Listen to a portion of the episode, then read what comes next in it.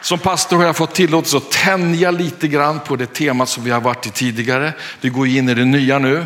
Ge mig Jesus, visst är det ett underbart tema? Tidigare så hade vi It's time. Och det jag vill avsluta den här perioden det är att det är tid, it's time att söka Guds rike. Det är tid att söka Guds rike. Amen. Så jag vill börja den här söndagen med att dela mitt hjärta med dig om någonting som fullständigt revolutionerade mitt liv. Jag vill börja med, och jag vill uttrycka det, ett, ett våldsamt starkt bibelord som tog mig ut ur förbannelse och in i Guds välsignelse.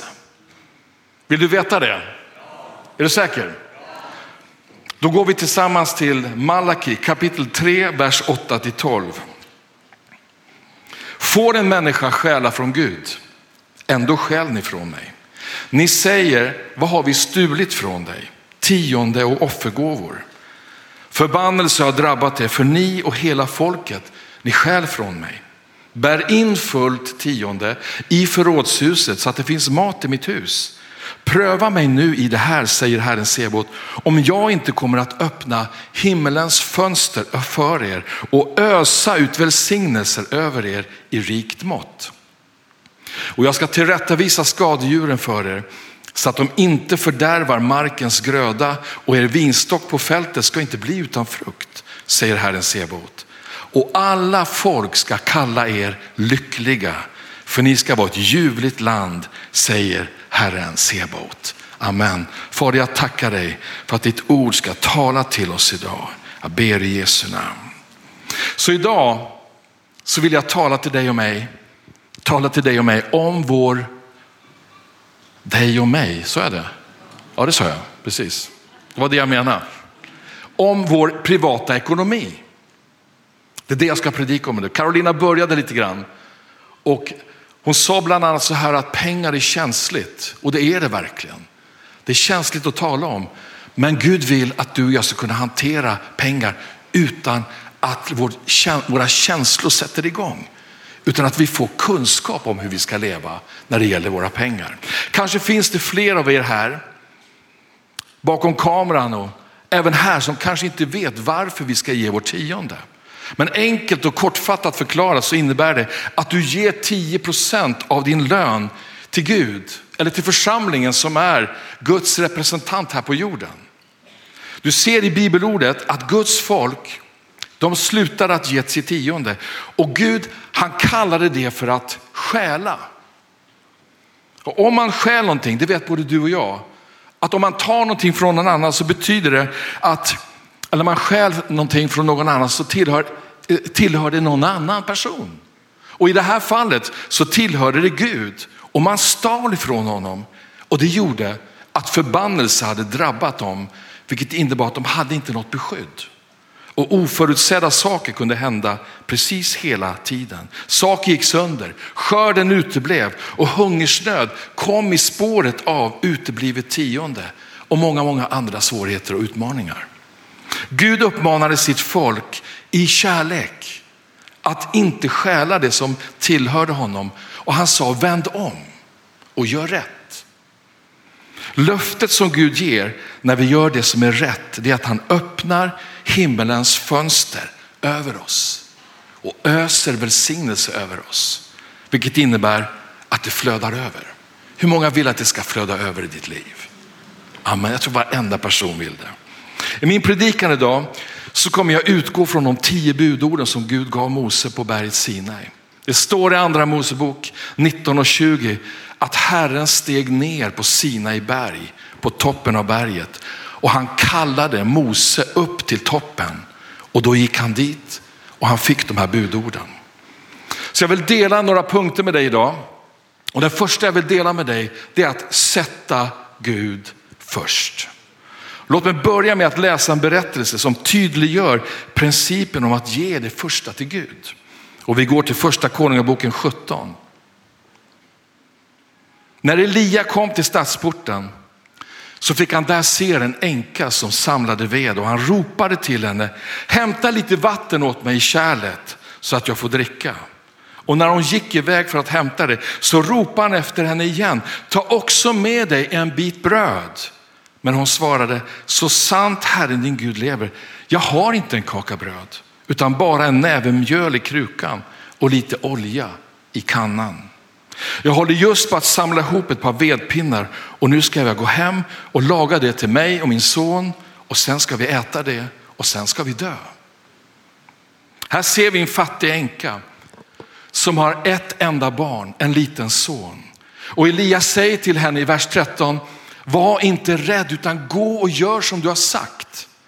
Lägg märke till vad Elias säger till en änka som har ett enda mål mat kvar innan hon är fullständigt utblottad och väntar på att hon och hennes son ska dö. Och han säger, men laga först till en kaka åt mig och bär ut den till mig. Laga sedan till åt dig och din son. Det ordet som vi behöver lägga märke till alldeles speciellt den här, den här förmiddagen, det är ordet först. Amen. Gör först en kaka och ge den till mig. Sen kan du förbereda till dig och din son. Det som hände med kvinnan, det var att Elia fortsätter att tala till henne i vers 14. Han säger så här, för så säger Herren, Israels Gud, mjölet i krukan ska inte ta slut. Olja ska inte fattas i din kanna fram till den dag då Herren låter det regna återigen. Det som hände med den här kvinnan, det var ett mirakel. Hon hade allt hon behövde under hela perioden då det inte regnade. Hon fick uppleva en mirakulös försörjning. Men anledningen till att hon fick uppleva det här miraklet, det var att hon valde att ge till Gud först. När man läser den här historien och inser och förstår vilka svåra tider det var med fattigdom och missväxt, så undrar man varför Gud inte kunde sända Elia till en rik och välbärgad person istället. Det hade väl varit mera humant och kärleksfullt. Och många gånger när vi läser den här historien så tror vi att Gud sände Elia till den här fattiga kvinnan för att han skulle få vad han behövde. Men det var inte Guds tanke. Utan Gud sände Elia till kvinnan så att hon inte skulle lida brist utan ha allt vad hon behövde under den här svåra perioden i landet. Många av oss tror att syftet med att ge tionde det är att församlingen inte ska lida brist. Men vet du, det är inte hela sanningen. Gud vill att du ska ge ditt tionde så att du inte ska lida brist utan ha allt vad du behöver. Det handlar inte om att Gud behöver dina pengar. Det handlar om dig. Det handlar om mig. Här ser vi en änka som har ett mål mat kvar för henne och hennes son. Kan du tänka dig in i den här situationen? Dessutom så har hennes son en obotlig sjukdom och dör efter några månader. Och Elia uppväcker också sonen till henne. Gud ville inte bara välsigna henne ekonomiskt så att hon kunde skaffa allt vad hon behövde. Gud visste att hennes son skulle dö. Det var ingen nyhet för honom. Och vet du, Gud vet vad som väntar ditt och mitt liv också. Och han vet vad du och jag behöver för att ta oss igenom de svårigheter och utmaningar som möter oss. Jag vill att du ska förstå att när vi sätter Gud först så kommer inte bara vår ekonomi i ordning. Det handlar inte bara om pengar utan Gud har omsorg om allt. Han har omsorg om din familj. När vi sätter Gud först så kommer också vår familj och allt annat i ordning. Amen. Jag har sett vid flera tillfällen hur människor som har haft det svårt i sina äktenskap, utmaning med sina barn och barnbarn som lämnat sin tro. Jag har sett hur man har kämpat med boende och arbete och hur många familjer och enskilda har gått på knäna ekonomiskt. Men när man har tagit ett beslut att sätta Gud först så har det resulterat i att man har sett sina barns situation förändras. Barnbarnen komma tillbaks till Gud och man har på ett övernaturligt sätt blivit erbjudna arbeten och bostäder som man inte ens har varit kvalificerad för. Gud är angelägen om dig, din familj och dina omständigheter. Det andra som jag vill dela med dig är att tillbe inte det materiella Tillbe inte det materiella. Och vi fortsätter och läser nu från tio Guds bud och vi läser det första andra budet i andra Mosebok 20, vers 3 och 4. Jag är Herren din Gud som har fört dig ut ur Egyptens land, ur träldomshuset. Du ska inte ha andra gudar vid sidan av mig. Du ska inte göra dig någon bildstod eller avbild av det som är uppe i himlen eller nere på jorden eller i vattnet under jorden. I engelskan som är mycket mer beskrivande så står det a carved image som betyder utskuren, snidad, skulpterad. En utskuren eller skulpterad avbild är en avgud, säger Guds ord. Och här får du själv använda din fantasi vad det skulle kunna vara. Men vet du till exempel att bilen du kör, den är skulpterad. Alla bilar formas av lera i en vindtunnel. De skulpteras innan de kommer ut och ett färdigt objekt som du sätter i och fräser iväg. Och den där känner du, alla älskar den här nybilsdoften. Eller bilen är ren liksom. Du speglar dig i lacken. Nej, vi behöver inte fortsätta. En avgud, det är någonting man sätter före Gud.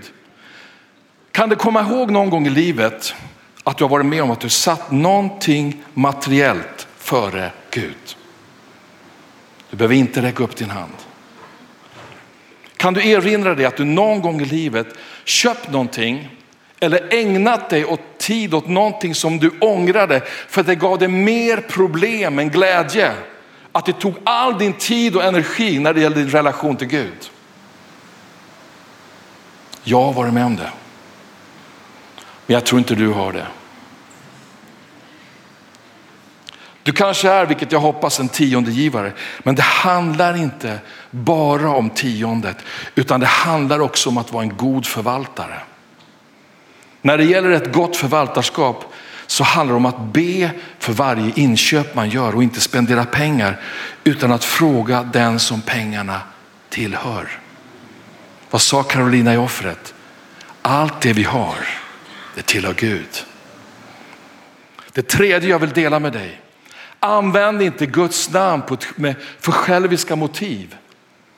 Det tredje budordet säger, du ska inte missbruka Herren i Guds namn, för Herren ska inte låta den bli ostraffad som missbrukar hans namn.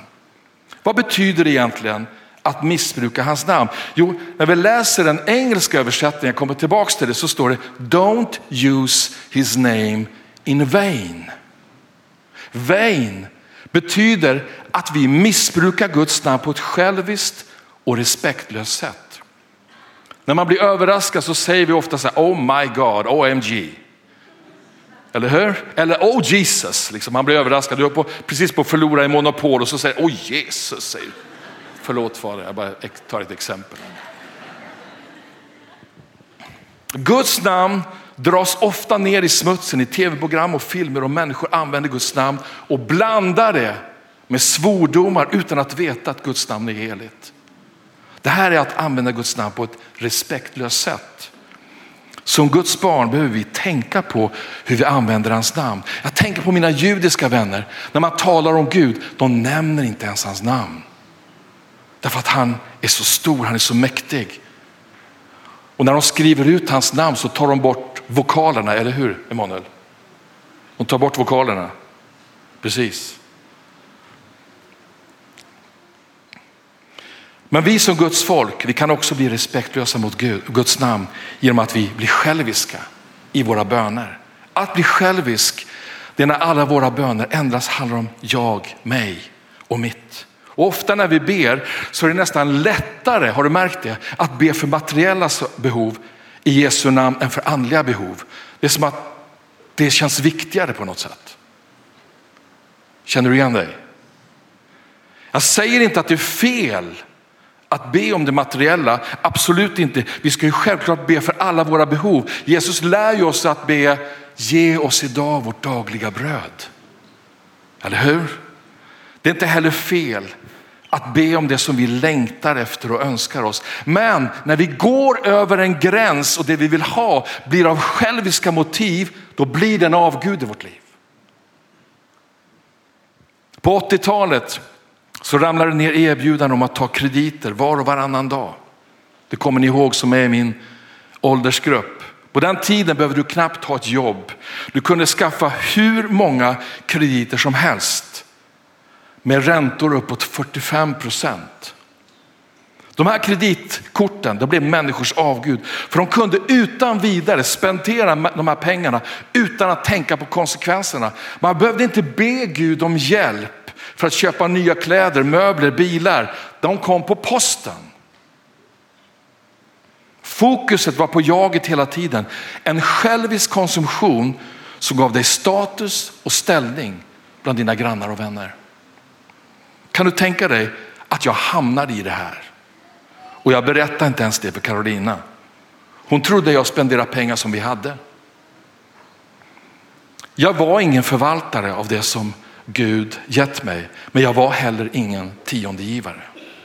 Jag gav skenet av att jag var välsignad av Gud. Men det fanns ingenting av Gud, utan bara en självisk vilja att vilja vara någonting. Det är sanningen.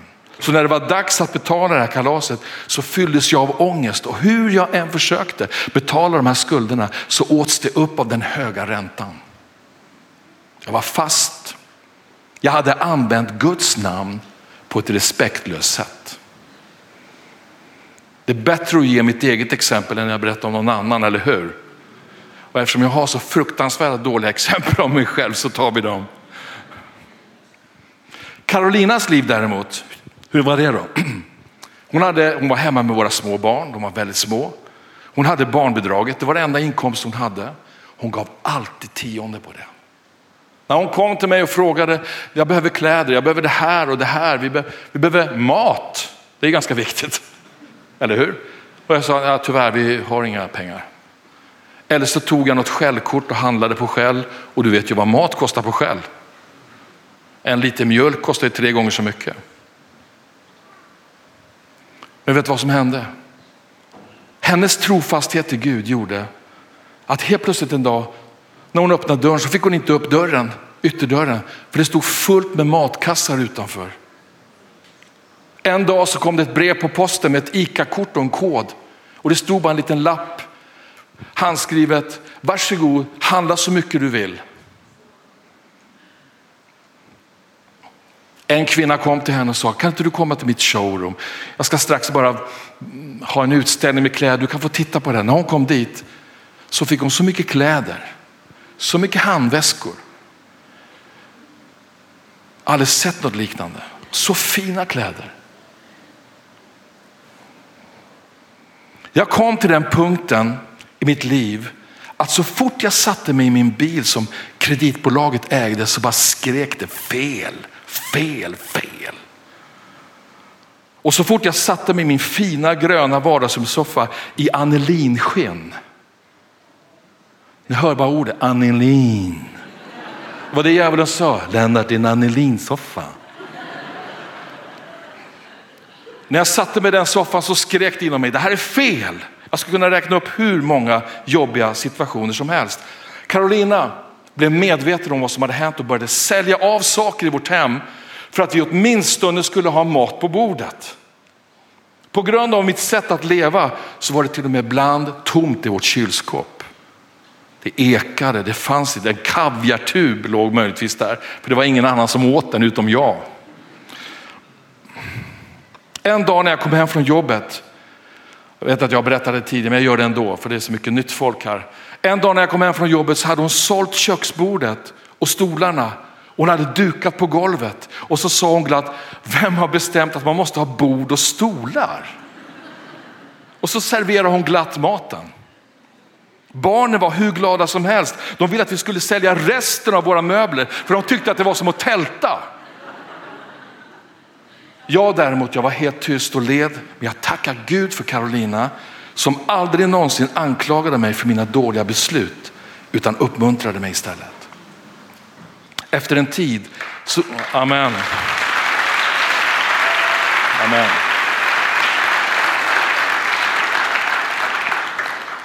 Efter en tid så visste jag faktiskt inte hur jag skulle orka fortsätta att leva. Det var faktiskt så.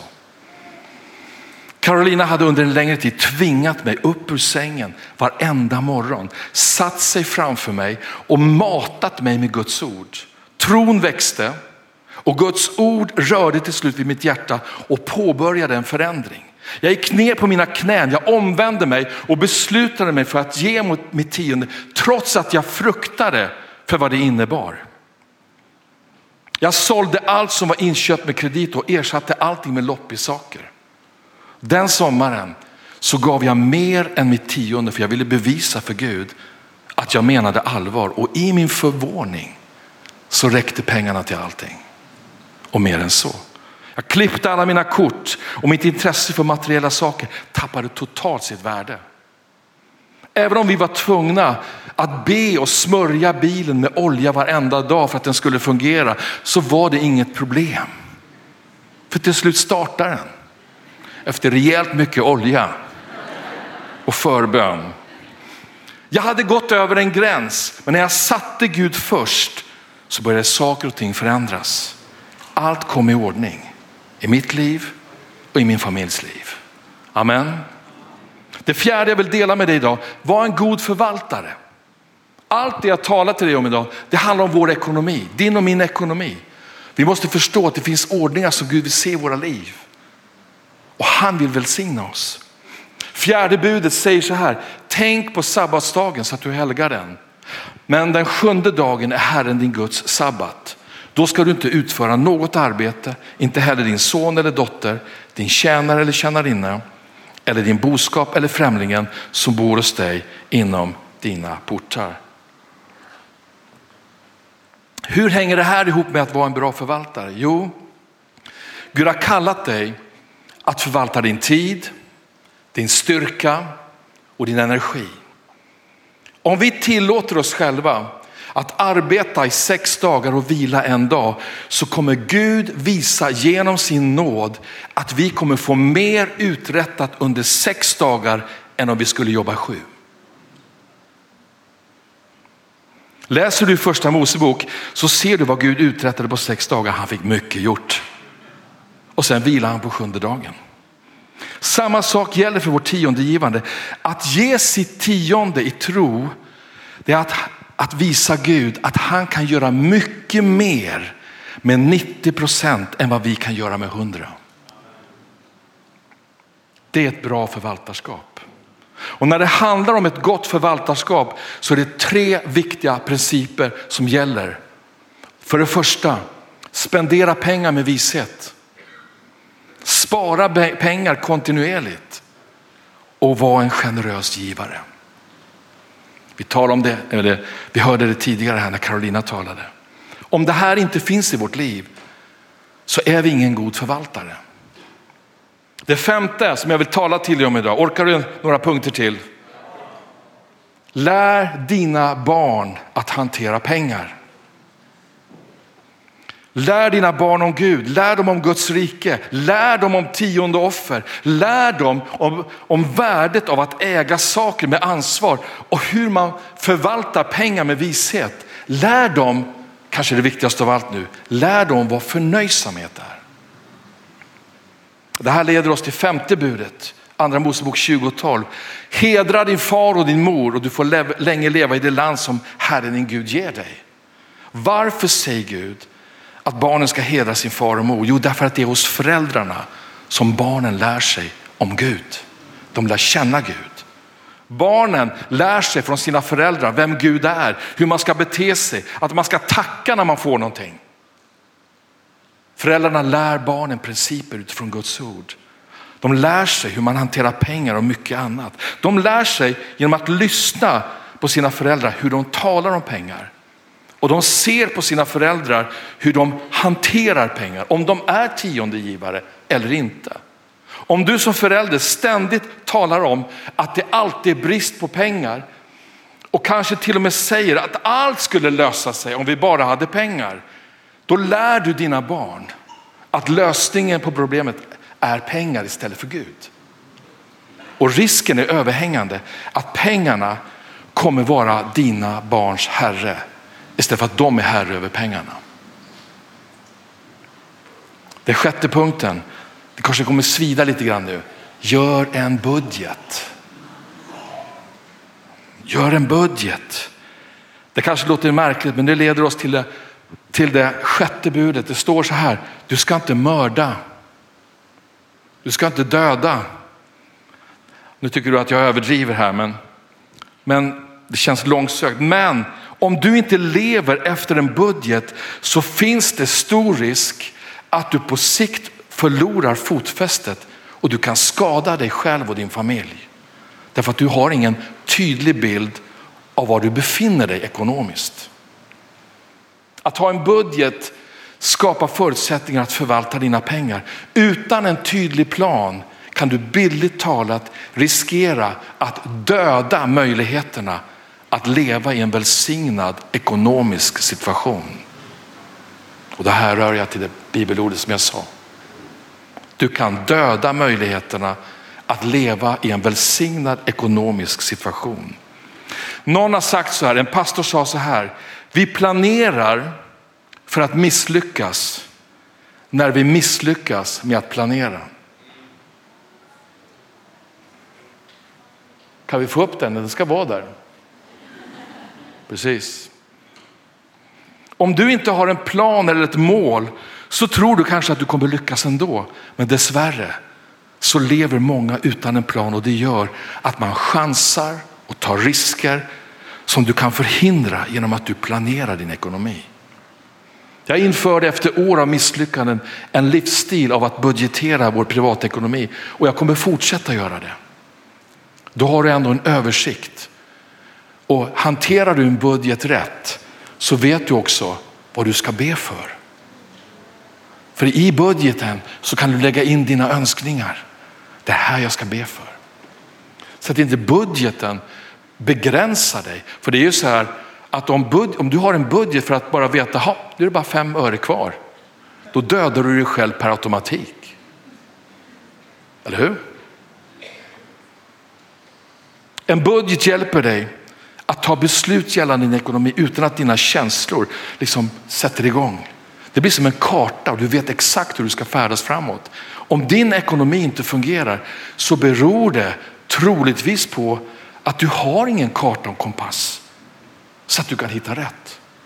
Om du inte har en karta över din ekonomi och du inte vet hur du ska komma till rätta med allt, be om hjälp.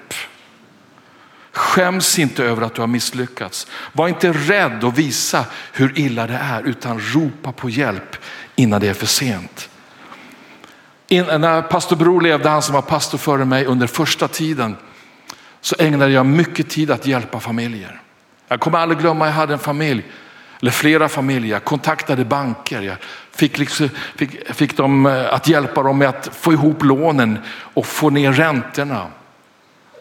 Och en familj kommer jag ihåg som kom till mig, de hade aldrig gjort en budget. Han var helt förtvivlad. För han sa att ingenting blir bra, liksom. jag, jag vet inte vad jag ska göra. Och när jag la upp deras budget och tittade på vad de fick i inkomster och vad de hade i utgifter så såg deras ekonomi hur bra ut som helst. Han var chockad. Men är det här möjligt? Ja, så här ser ekonomin. Men du stoppar huvudet i sanden och tror att ingenting fungerar. Amen. Skaffa en budget. Den sjunde punkten, lev inte över dina tillgångar. Vi läser det sjunde budet. Du ska inte begå äktenskapsbrott. Och när du begår äktenskapsbrott, då lever inte du efter det som Gud bestämt för ditt liv och du hamnar utanför Guds beskydd och hans försörjning. Det sker när du begår äktenskapsbrott. Det är precis samma sak när du lever över dina tillgångar. Egentligen ser det så att, att svika sin fru eller sin man, det är att gå över de tillgångar som tillhör dig. Du går in på andra områden som du inte äger, som inte är dina. Det är precis samma sak med, med, att gå över sina tillgångar därför att du hamnar utanför Guds beskydd och hans försörjning. Det som gör att folk lever över sina tillgångar är för det första att man inte är tillfredsställd. När man lever över sina tillgångar och skaffar saker man egentligen inte har råd med så visar man Gud hur missnöjd man är med hans försörjning och den omsorgen han har visat. Så egentligen tar man allting i egna händer och gör det på sitt eget sätt. Vi måste förstå att oavsett hur situationen än ser ut så är det allvarligt att gå sin väg och anklaga Gud. Gör inte det. Gå till honom istället och gör om och gör rätt. Vet du, Gud kommer aldrig anklaga dig. Han kommer aldrig förebrå dig. Han bara tar emot dig och hjälper dig. Det andra som gör att folk lever över sina tillgångar, det är att man inte har lärt sig att leva under olika omständigheter. Paulus säger i Filipperbrevet 4.11 så här, jag säger inte att jag saknar någonting för jag har lärt mig, säger han. Jag har lärt mig att vara nöjd med det jag har. Paulus, han talar om att leva i rikedom eller i fattigdom, men egentligen ordet fattigdom i den här beskrivningen, det är förnedring. Han har till och med lärt sig att leva i förnedring. Och det tror inte jag kanske att du och jag har gjort. Han hade lärt sig att leva och vara nöjd oavsett livssituationen. Och här har vi den största aposteln i Guds ord som har skrivit en tredjedel av nya testamentet och det står att han hade lärt sig. Han hade lärt sig att vara tillfredsställd oavsett omständigheter. Det här säger mig att både du och jag kan lära oss att vara tillfredsställda oavsett vad vi möter i livet och, le och leva över våra omständigheter. Amen. Jag vet att det är tyst nu. Jag förstår att det är det. Det är ingen sån här, det är ingen sån här hurra-predikan. Jag hoppas att det går ner i ditt hjärta. Om vi inte är tillfredsställda i den situation vi är i just nu så kan vi lära oss att vara det. Antingen om vi lever i överflöd eller inte.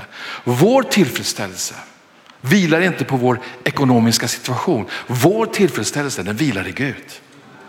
Amen. Jag har ett par, några punkter kvar. Det åttonde och det åttonde budet. Undvik det här erbjudandet som du, stann, som du får ibland att köp nu och betala sen. Jag kommer ihåg när det var fotbolls-VM och du vet, då var det stora erbjudanden. Köp en 60 tummar, 75 tummar, specialpris. Du behöver inte betala den före VM, du får betala den efter. Och så åker Sverige ur. Vem vill betala en tv efter ett sånt VM? Jag bara ställer den frågan. Jag vill inte göra det. Och som tur var, jag köpte ingen heller, men i alla fall. Det här leder oss till åttonde budet. Du ska inte stjäla. Det är stöld att köpa någonting som du inte har pengar till. Och för att inte hårdra det här, för att nu är någon som tänker, ja, men nu går han för långt. Men för att jag inte ska hårdra det här, så sätt det här i kontexten att vara en klok förvaltare. Som exempelvis investerar i en lägenhet eller ett hus som genererar en vinst. Det är bra. Jag talar mer om det som vi konsumerar genom smålån och krediter och som vi egentligen inte har råd med. I veckan som gick så gick Statistiska centralbyrån, man får nästan smörja upp läpparna när man säger Statistiska centralbyrån, att det betalades ut flera miljarder i skattepengar till svenska folket. Och jag läste vid ett tillfälle att de flesta i Sverige spenderar sina skattepengar som de ska få tillbaks under våren innan de ens har fått dem. De skaffar ett kreditkort med den summan och de förväntas få de här pengarna och använder dem. Eller så köper de och betalar sen. Det är så det är. Problemet med det här är att vi som Guds folk, vi är inte skapta till en, att fungera på det sättet. Vi är skapta i vår relation med Gud att vara kopplade till honom känslomässigt genom att vi alltid hoppas på honom.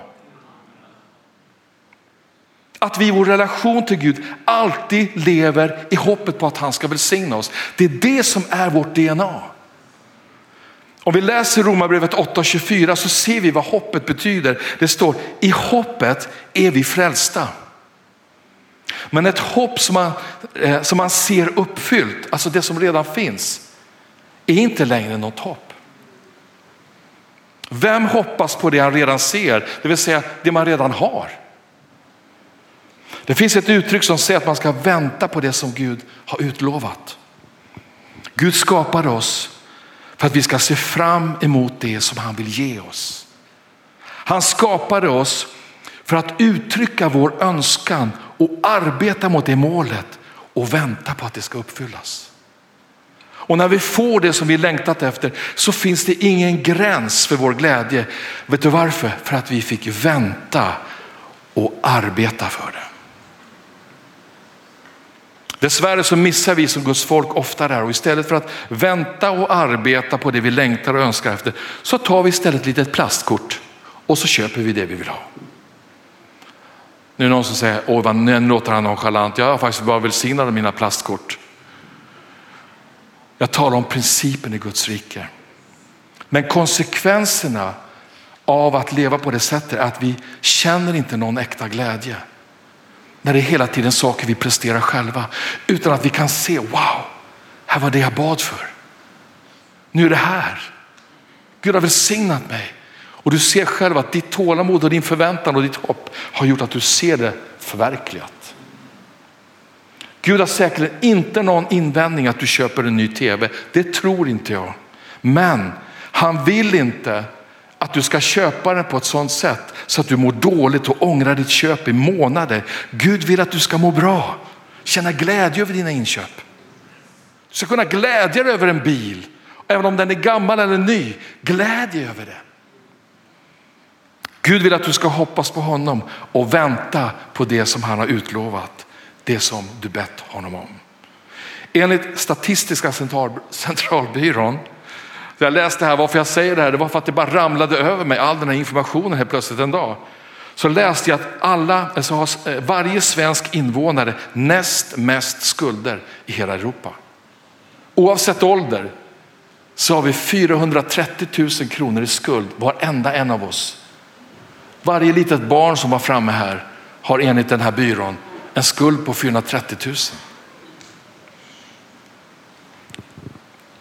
Och med den här situationen så följer också en stigande depression. Och vet du vet vad den kliniska definitionen på depression är? Jo, det är en person utan hopp. Det är en person som har förlorat hoppet. Anledningen till varför Gud säger till oss att vänta på honom, är för att han vill att vi ska vara lyckliga och känna glädje i livet. Så gå inte på tricket från affärsvärlden, köp nu och betala sen. Jag och Carolina, vi tog ett beslut för mer än 30 år sedan att klippa alla våra kreditkort och aldrig mer skaffa sådana igen.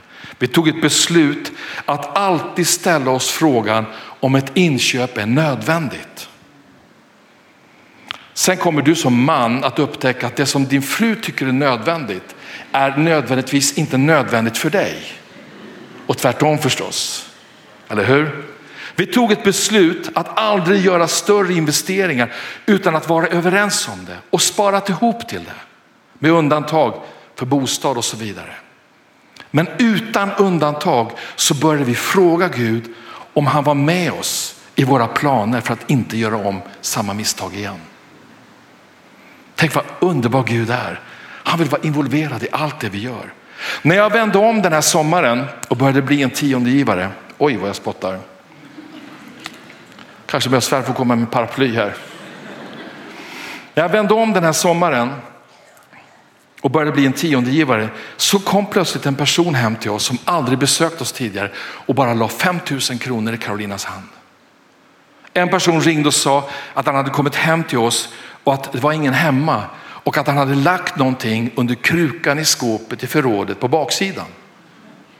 En lång beskrivning, men vi följde kartan. Vi kom dit och där under, där låg det 3000 kronor. En person kom från Gävle med släpkärra och köpte våran dyra soffgrupp i Annelin. Som jag hade annonserat ut. Jag tänkte det här, jag såg bara tusenlapparna försvinna. Men vet du, han erbjöd sig att köpa den för samma summa som vi hade gett för den. Det är inte logiskt. Eller hur? Men Gud är övernaturlig. Amen. Gud fyller våra behov på ett övernaturligt sätt när vi bestämmer oss för att leva vårt liv på hans sätt. Amen. Tack Jesus. Halleluja. Halleluja. Gud är så konkret. Han vill att vi ska ha rätt perspektiv när det gäller pengar. Jag har två punkter kvar, får jag ta dem? Nionde punkten, var en god representant och ett vittne för Gud. Det leder oss till nionde budet där det står, du ska inte bära falskt vittnesbörd mot din nästa. Gud vill att vi ska vara goda och sanna vittnen som representerar Jesus bland våra grannar och var vi än går. Om du berättar för din granne om Gud och ser och han ser att du inte sköter din tomt, att du låter soporna stå utanför i trapphuset och det bara stinker. Eller du kanske inte håller efter dina barn, men det står en ny bil på parkeringen. Då är man inte ett gott vittnesbörd. Det ser inte bra ut. Hur vi hanterar vår ekonomi är antingen ett bra eller ett dåligt vittnesbörd för Gud. Du kanske nämner för din granne att du gick igenom en svår tid under pandemin och berättar att du förlorar allt. Är det här ett dåligt vittnesbörd? Nej, självklart kan det vara så att man vill dela sitt hjärta. Men om du tillägger att du tog dig igenom pandemin med en övernaturlig glädje i Gud därför att du förtröstade på honom så är det ett vittnesbörd om en levande Gud. Eller hur? Sen med respekt för alla som har förlorat sina nära och kära. Jag vet att Gud är en god Gud mitt i alla svåra situationer. Livet är inte alltid perfekt. Men de som vet att vi är kristna, speciellt våra grannar, för det är oftast där det händer. De tittar på oss och iakttar hur vi lever och kanske framför allt tittar på hur vi lever ekonomiskt. Den tionde och sista punkten, var förnöjsam. Amen. Det står i tionde budet, du ska inte ha begär till din nästas hus. Om vi är förnöjsamma, om vi är tillfredsställda med det liv vi lever med Gud, då blir vi inte uppfyllda av begär. När vi är förnöjsamma så har vi inte begär till vår grannes hus, till vår grannes ägodelar. Det står i Kolosserbrevet, det här är en dramatisk vers. Det står döda. Det här är det enda du får döda. Du får ju döda insekter och sånt självklart. Men det här, när det handlar om ditt liv, så får du döda dina jordiska begär, sexuell omoral, orenhet. Du får döda lusta.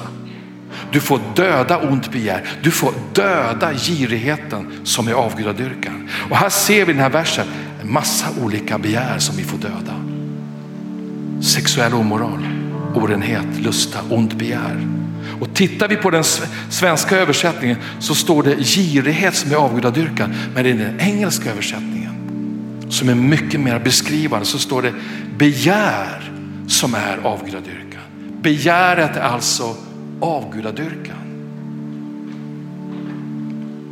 Och anledningen till att det är så, att allt som vi får begär till, det blir en avgud och någonting som vi sätter före Gud.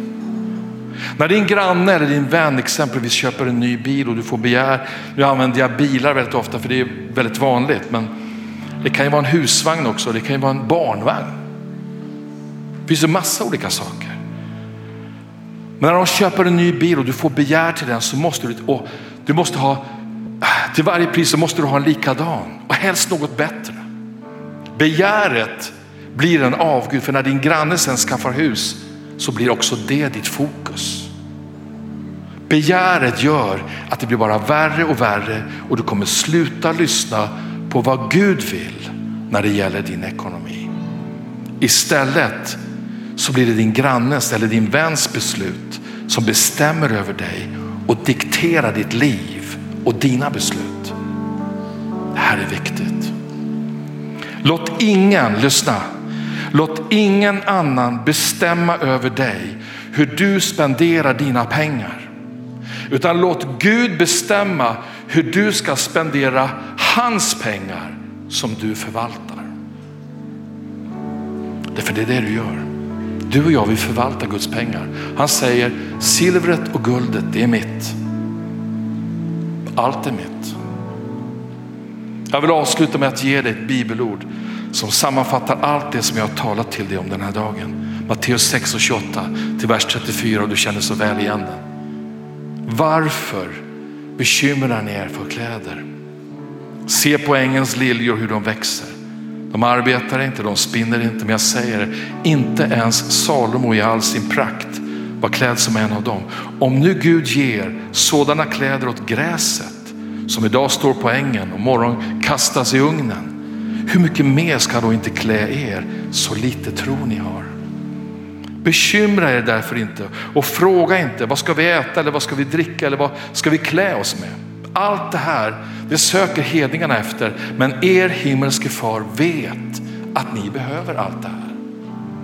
Nej, sök först Guds rike och hans rättfärdighet så ska ni få allt det andra också.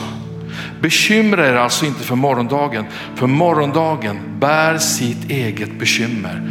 Var dag har nog av sin egen plåga. Amen. Ska vi stå upp tillsammans?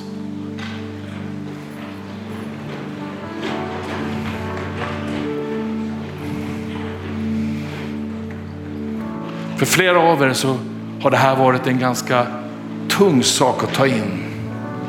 Men så otroligt viktig. Pengar har att göra med vår relation till Gud. Det har att göra med vår överlåtelse. Det har att göra med hur mycket tillit vi har. Jag säger det i min senaste DD som jag har ute på, på nätet just nu. Att min tillit till, till exempel när Carolina och jag åker iväg till Colombia eller om vi åker till Israel eller var vi än åker. Det är inte så liksom att när jag går in i planet så går jag in och checkar med piloten. Hör du, eh, har, du, har du certifikat för att köra den här kärran? Har du det? Är du pilot för det första? Jag gör ju aldrig det. Jag litar på att den som sitter där inne och, håller i spakarna, han kan det här.